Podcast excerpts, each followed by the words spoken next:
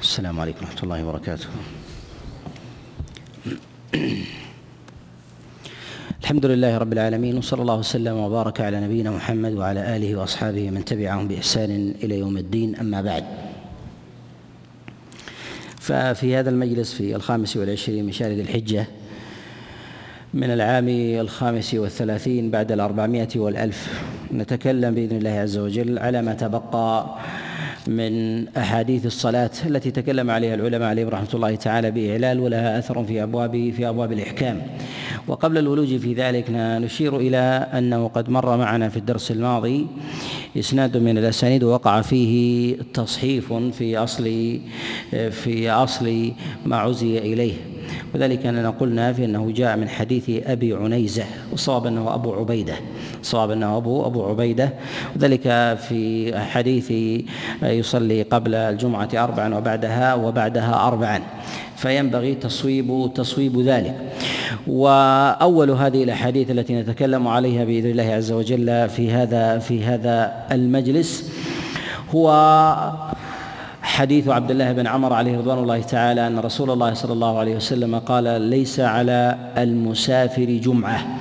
هذا الحديث أخرجه أبو داود عليه رحمة الله في كتابه السنن من حديث قبيصة عن سفيان عن محمد ابن سعيد الطائفي عن ابن عن أبي سلمة عن عبد الله بن هارون عن عبد الله بن عمر عن رسول الله صلى الله عليه وسلم. وهذا الحديث حديث حديث منكر. وذلك أنه قد تفرد به محمد بن سعيد الطائفي وقد تكلم فيه غير واحد من العلماء وهو منكر الحديث. كذلك أيضا فإن هذا الحديث الحديث فإن هذا الحديث فيه قبيصة وهو يروي عن سفيان وهو وإن كان ثقة في ذاته إلا أنه في روايته عن سفيان الثوري ضعف ولين ويتفرد بشيء يستنكر عليه في حديثه. وقد أنكر روايته عن سفيان جماعة من النقاد. وذلك كابن معين والنسائي عليهم رحمة الله. وله أحاديث قد استنكرت عليه في حديثه عن عن سفيان على سبيل الخصوص وإلا في الأصل في روايته الأصل في روايته في روايته الصحة. كذلك فإن أبا سلمة الذي يروي عن عبد الله بن هارون أيضا قد تكلم عليه بعض العلماء كابن معين وغيره وكذلك أيضا عبد الله بن هارون منكر الحديث الذي يروي عن عبد الله بن عمرو. وقد تفرد بهذا الحديث عن عبد الله بن عمرو عن رسول الله صلى الله عليه وسلم.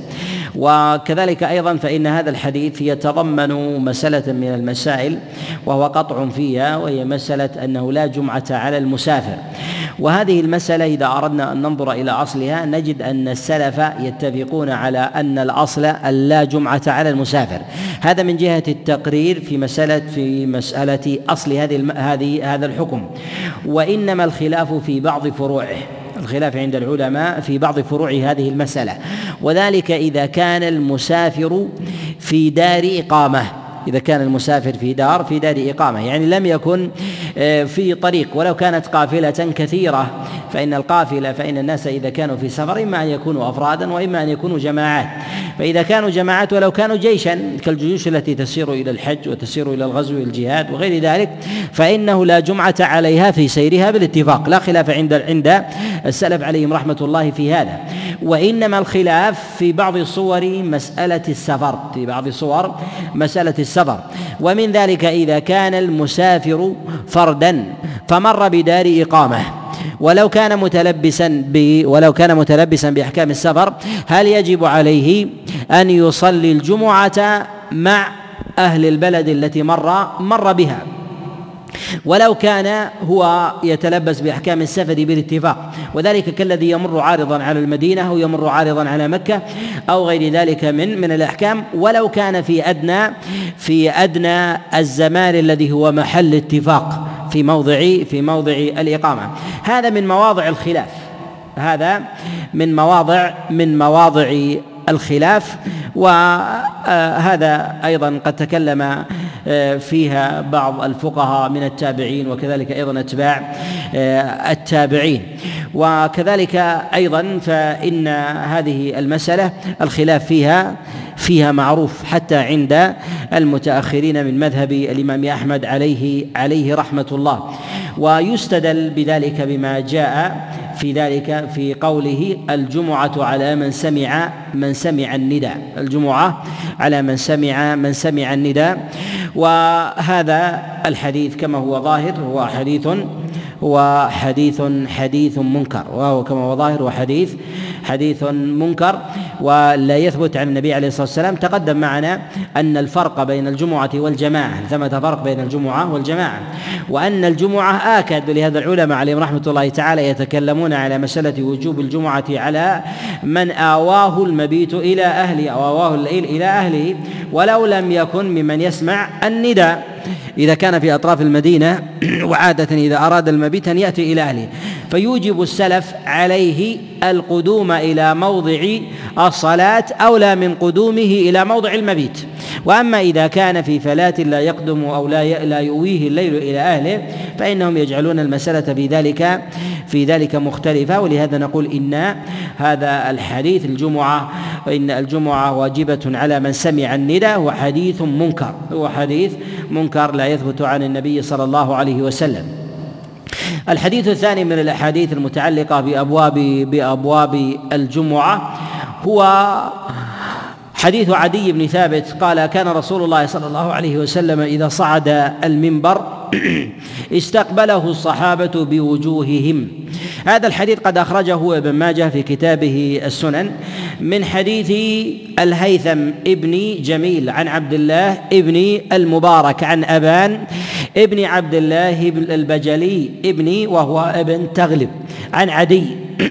عن عدي بن ثابت عن أبيه عن رسول الله صلى الله عليه وسلم. هذا الحديث قد وقع فيه اختلاف في إسناده قد وقع فيه اختلاف في إسناده والاختلاف في إسناده أنه تارة يروى من حديث عدي بن ثابت عن رسول الله صلى الله عليه وسلم وسلم وتارة يروى من حديث عدي بن ثابت عن رسول الله صلى الله عليه وسلم فلا يذكر أباه فلا يذكر فلا يذكر في هذا الحديث أباه. يرويه الهيثم ابن جميل عن عبد الله بن المبارك به فيقول عدي بن ثابت عن أبيه عن رسول الله صلى الله عليه وسلم. والثقات من أصحاب عبد الله بن المبارك يروون هذا الحديث عنه ولا يقولون عن أبيه.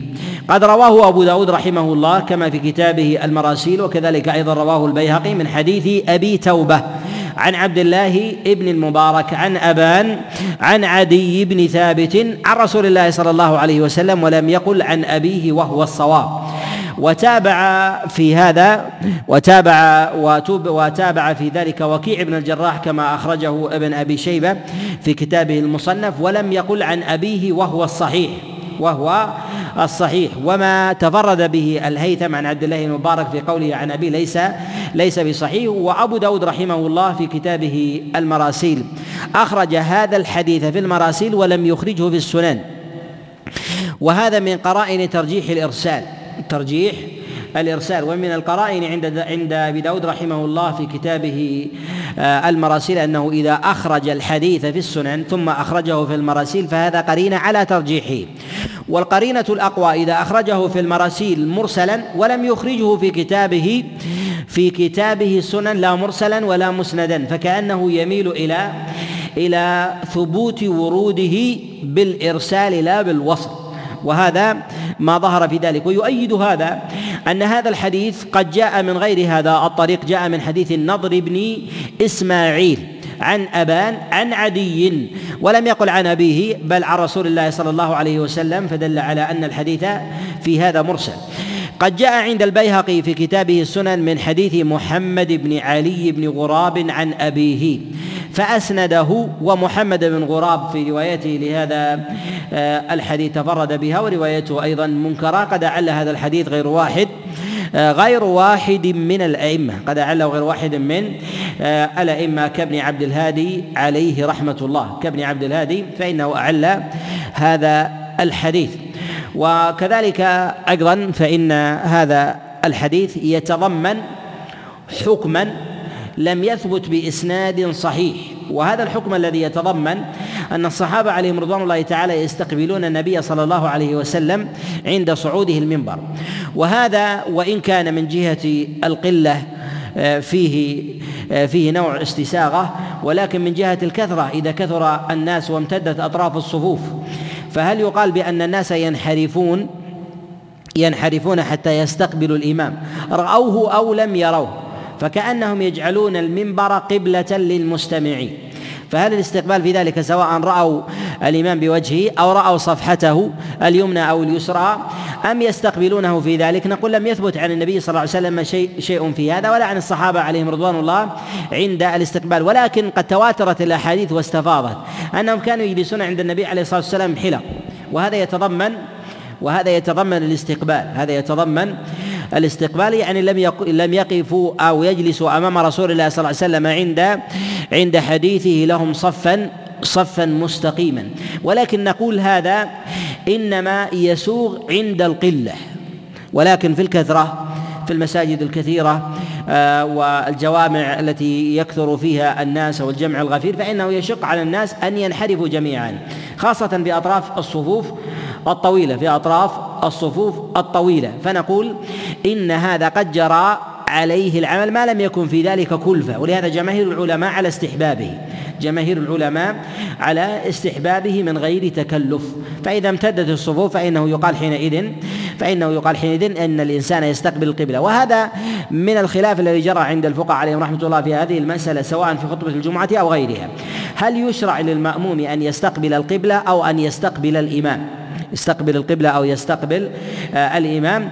من قال بهذه الأحاديث ويأتي شيء منها بإذن الله عز وجل يقول باستقبال الإمام سواء كان قريبا أو بعيدا. ومنهم من يقول باستقبال القبلة باعتبار عدم ثبوت شيء في ذلك وأنه وأن وأنه لو ثبت في هذا شيء لنقل وتواتر واستفاض. وإنما حكم استقبال المتكلم من الأدب عنده عند القدرة عليه من غير مشقة فليست قبلة وإنما أدبا وللإحاطة بما يقوله. فإن المتكلم يحاط بقوله إذا نظر إلى كلامه وتعابير وجهه وكذلك تحريك شفتيه ونظر أيضا إلى علامات وجهه من تمعرها واحمرارها كما كان الصحابة عليهم رضوان الله تعالى ينقلون ذلك يعني أنهم أنهم ينظرون إليه وربما أشار المتكلم بيده يشير أن يبين أن يبين عبارة من العبارات أو يفسر جملة أو نحو ذلك. مما مما يحتاج إلى إلى بيان. وجاء هذا في مواضع كثيرة بل تواتر واستفاض عن رسول الله صلى الله عليه وسلم أنه تكلم ويحرك يده في كثير من الأحكام فيشير بيده أو يصف فعلا أو يخط شيئا أو نحو ذلك فيحتاج الإنسان إلى الالتفات إلى المتكلم. فنقول هو أدب بالاتفاق هو أدب بالاتفاق عند القدرة عليه عند القدرة عليه. وعند المشقة لا نقول إن الإمام قبلة لي للمأموم في خطبة الجمعة في خطبة الجمعة ولا خطبة العيدين. فإن أمكنه أن يستقبل وإلا فيستقبل القبلة. فإن استقبال القبلة في ذلك أولى أولى من غيرها.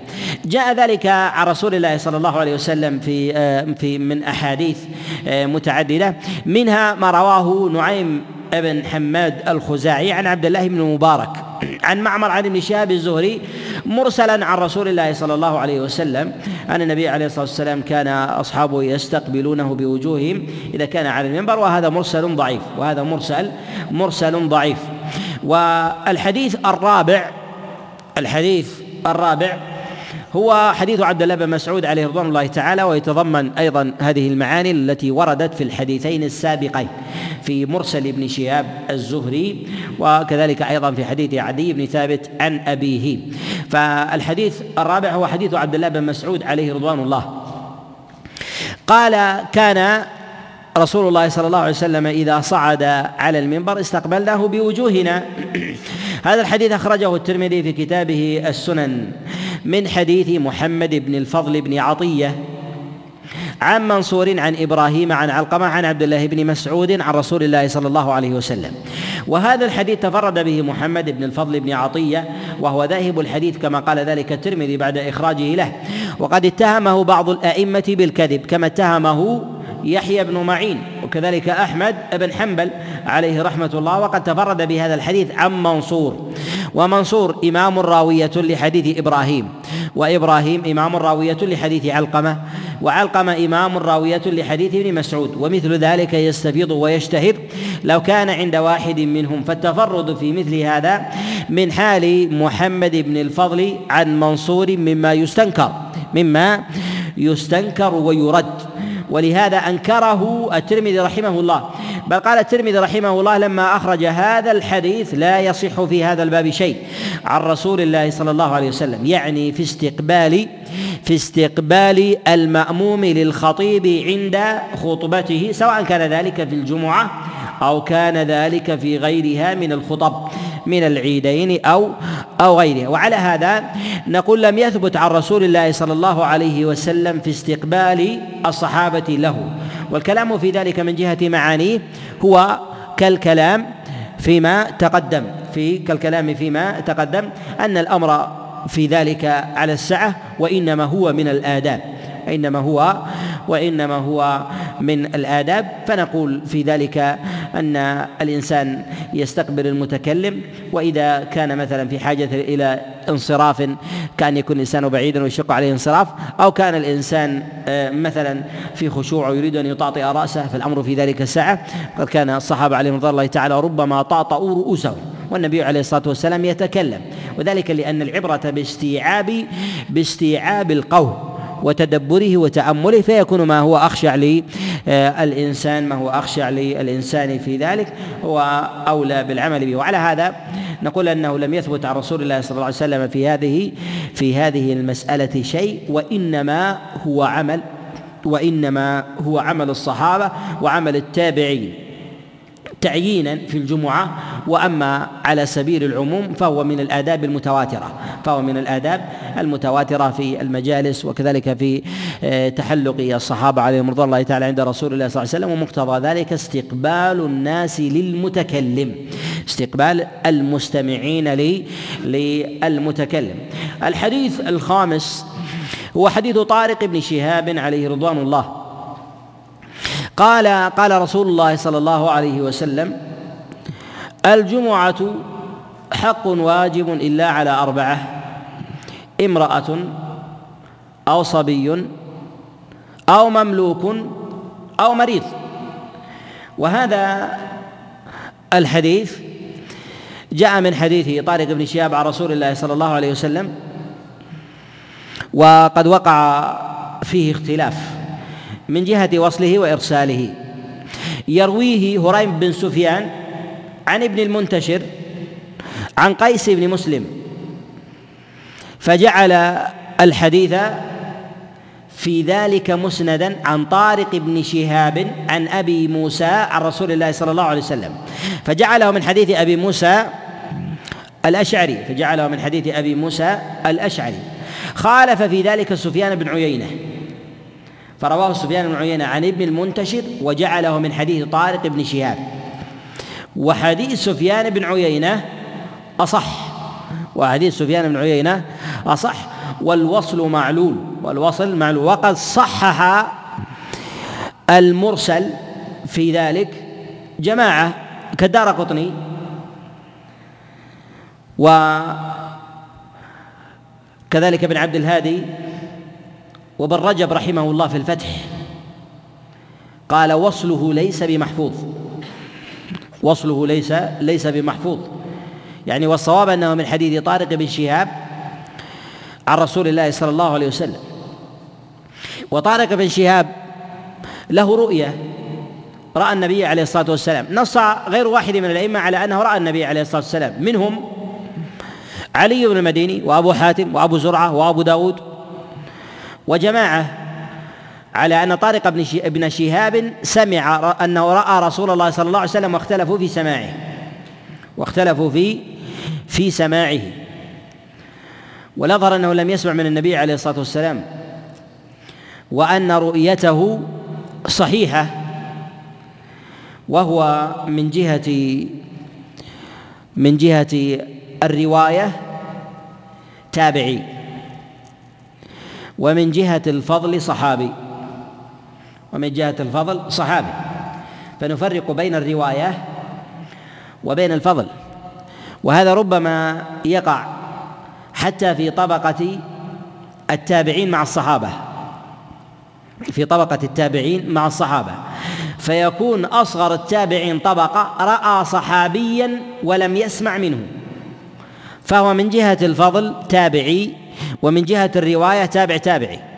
فكأنه لم يروي عن الصحابي مباشرة وإنما روى عنه بواسطة. وهكذا طارق بن شهاب فإنه يروي الأحاديث عن رسول الله صلى الله عليه وسلم بواسطة قطعا والواسطة في ذلك مجهولة. والواسطة في هذا مجهولة. من العلماء من يقوي حديث طارق بن شهاب بإطلاق ويحسنه وقد صحح حديثه هذا البيهقي رحمه الله وحسن إسناده الدار قطني. وقال هو مرسل حسن. وصححه البيهقي وجماعة. وهذا الحديث فيه فصل في جملة من المسائل قد وقع فيها خلاف عند العلماء. قد وقع فيها خلاف عند عند العلماء. من هذه المسائل العبد المملوك هل تجب عليه الجمعة أو لا تجب عليه؟ وهذا أيضا من مسائل من مسائل الخلاف.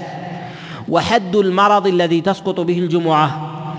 وما كان مرضا مستديما هل تسقط به الجمعة على سبيل الدوام؟ من أخذ بظاهر الحديث أطلق ومن لم يأخذ بظاهره قيد فمنهم من يقيد المرض العارض فيستثني المرض الدائم وذلك كالكفيف. فالكفيف مرضه عارض مرضه دائم فإذا وجد من يقوده إلى الصلاة وجب عليه أن يشهدها جمعة وجماعة. بخلاف من فقد بصره عارضا. قالوا هذا مرض عارض. هذا مرض عارض. ومن العلماء من يفرق أيضا حتى في حال سير الإنسان يفرق بين الكثير وهو خلل في سيره عارض وبين الأشل الذي يجد دابة تحمله. فذاك مرضه فالأول مرضه عارض وهو الكسر يجبر. وأما بالنسبة للأشل فمرضه في ذلك دائم مرضه دائم. فإذا وجد دابة هل يكون دابته في ذلك كالقائد بالنسبة للأعمى؟ هذا من مواضع الخلاف عند عند العلماء. وهذا الحديث ظاهر إسناده الصحة والإرسال ونقول تحمل من أمثال هذه الإطلاقات وأمثال هذه الألفاظ على ما جاء مفسرا على ما جاء مفسرا عن أصحاب رسول الله صلى الله عليه وسلم في هذه المسألة منها ما يتعلق بقضية المملوك وكذلك أيضا في حد المرض والعذر والعذر به. فنقول إن أصل المرض يعذر به ولكن نوعه وحده وقدره فهو يتباين فيه. فالمعلوم والمقطوع به حتى في زمن النبوة أن ثمة أمراض يطلق عليها أمراض لا تعذر الإنسان عن شيء من الأحكام بالإطلاق.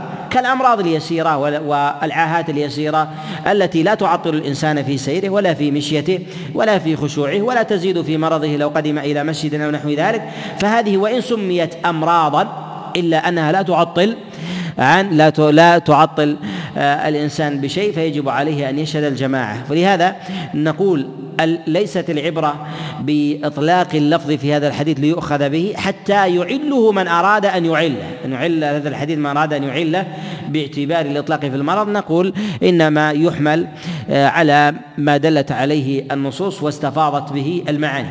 جاء في معنى هذا الحديث جملة من الأحاديث آه، عن رسول الله صلى الله عليه وسلم في آه، في آه، أهل الأعذار في ترك صلاة الجمعة. فمنهم من يضيف المسافر كما جاء ذلك في حديث تميم الداري.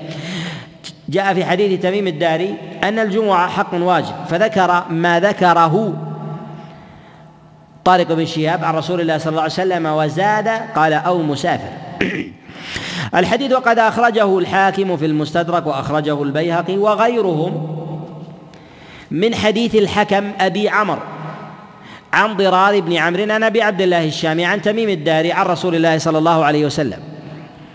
والحديث منكر والحديث منكر.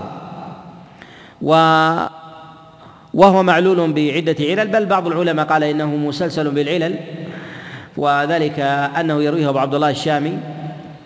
وقد تفرد به عن تميم الداري وقضى بجهالته بعض العلماء ومنكر الحديث أيضا وكذلك ضرار بن عمر وكذلك أيضا الحكم أبو عمر راويه فهؤلاء كلهم الواحد منهم يعل الحديث منفردا فكيف بهم مجتمعين؟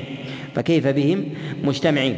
وقد أعل هذا الحديث أبو حاتم رحمه الله كما في كتاب العلل فسئل عنه فقال حديث منكر. سئل عنه فقال فقال حديث حديث منكر. وكذلك قد أعله جماعة كابن عبد الهادي وكذلك أيضا البيهقي وغيرهم. فإن هذا الحديث فإن هذا الحديث منكر. وذلك من جهة الإسناد ومن جهة المتن الاضطراب فيه وزيادة لفظ المسافر زيادة لفظ المسافر المسافر فيه. وكذلك أيضا من هذه الأحاديث هو حديث مولى آل الزبير. يرفعه عن رسول الله صلى الله عليه وسلم أن الجمعة حق واجب فذكر نحو ما جاء في حديث تميم. وذكر نحو ما جاء في حديث في حديث تميم. هذا الحديث هذا الحديث قد أخرجه البيهقي وغيره من حديث الحسن بن صالح بن حي. حديث الحسن بن صالح بن حي وقد تكلم فيه بعضهم. وهذا الحديث من حديث مولى مولى آل الزبير يرفعه إلى رسول الله صلى الله عليه وسلم وكذلك أيضا فيه في الإرسال وعلته أيضا كعلة ما قبل من الأحاديث. مع علة ما قبل من الأحاديث في في بيان أهل الأعذار ممن يترك ممن يترك الجمعة. جاء في هذا في أهل الأعذار من أهل الجمعة المسافر. على سبيل التخصيص على سبيل التخصيص. جاء في ذلك من حديث أبي هريرة وجاء ذلك عند أيضا من حديث عبد الله بن عمر قد أخرجها الطبراني في كتابه في كتابه المعجم وهي أحاديث واهية. وهي أحاديث واهية وهي أضعف من أن نوردها وهي أضعف من أن نوردها ولكن عليها العمل. عليها العمل. والعمل في ذلك هو أن المسافر لا جمعة عليه. المسافر لا جمعة عليه. وسواء كان في الطريق أو كان في دار إقامة. أو كان في دار في دار إقامة. وسواء كان المسافر واحدا أو كانوا جماعة كان المسافر واحدا أو كانوا في ذلك في ذلك جماعة كالوفود وكذلك أيضا في الغزوات والسرايا والذين يذهبون إلى الحج. وأشباههم أن الحكم في ذلك لا يتغير الحكم في هذا لا يتغير. ولهذا رسول الله صلى الله عليه وسلم ولهذا رسول الله صلى الله عليه وسلم حج ومعه جمع غفير يبيتون وينزلون وبقي النبي عليه الصلاة والسلام في مسيرته إلى حجه نحوا من ثمانية أيام نحو من ثمانية ثمانية أيام وكانوا يقيمون ويبيتون وأدركوا جمعة قطعا بل النبي عليه الصلاة والسلام كان في حال في حال إقامة في عرفة.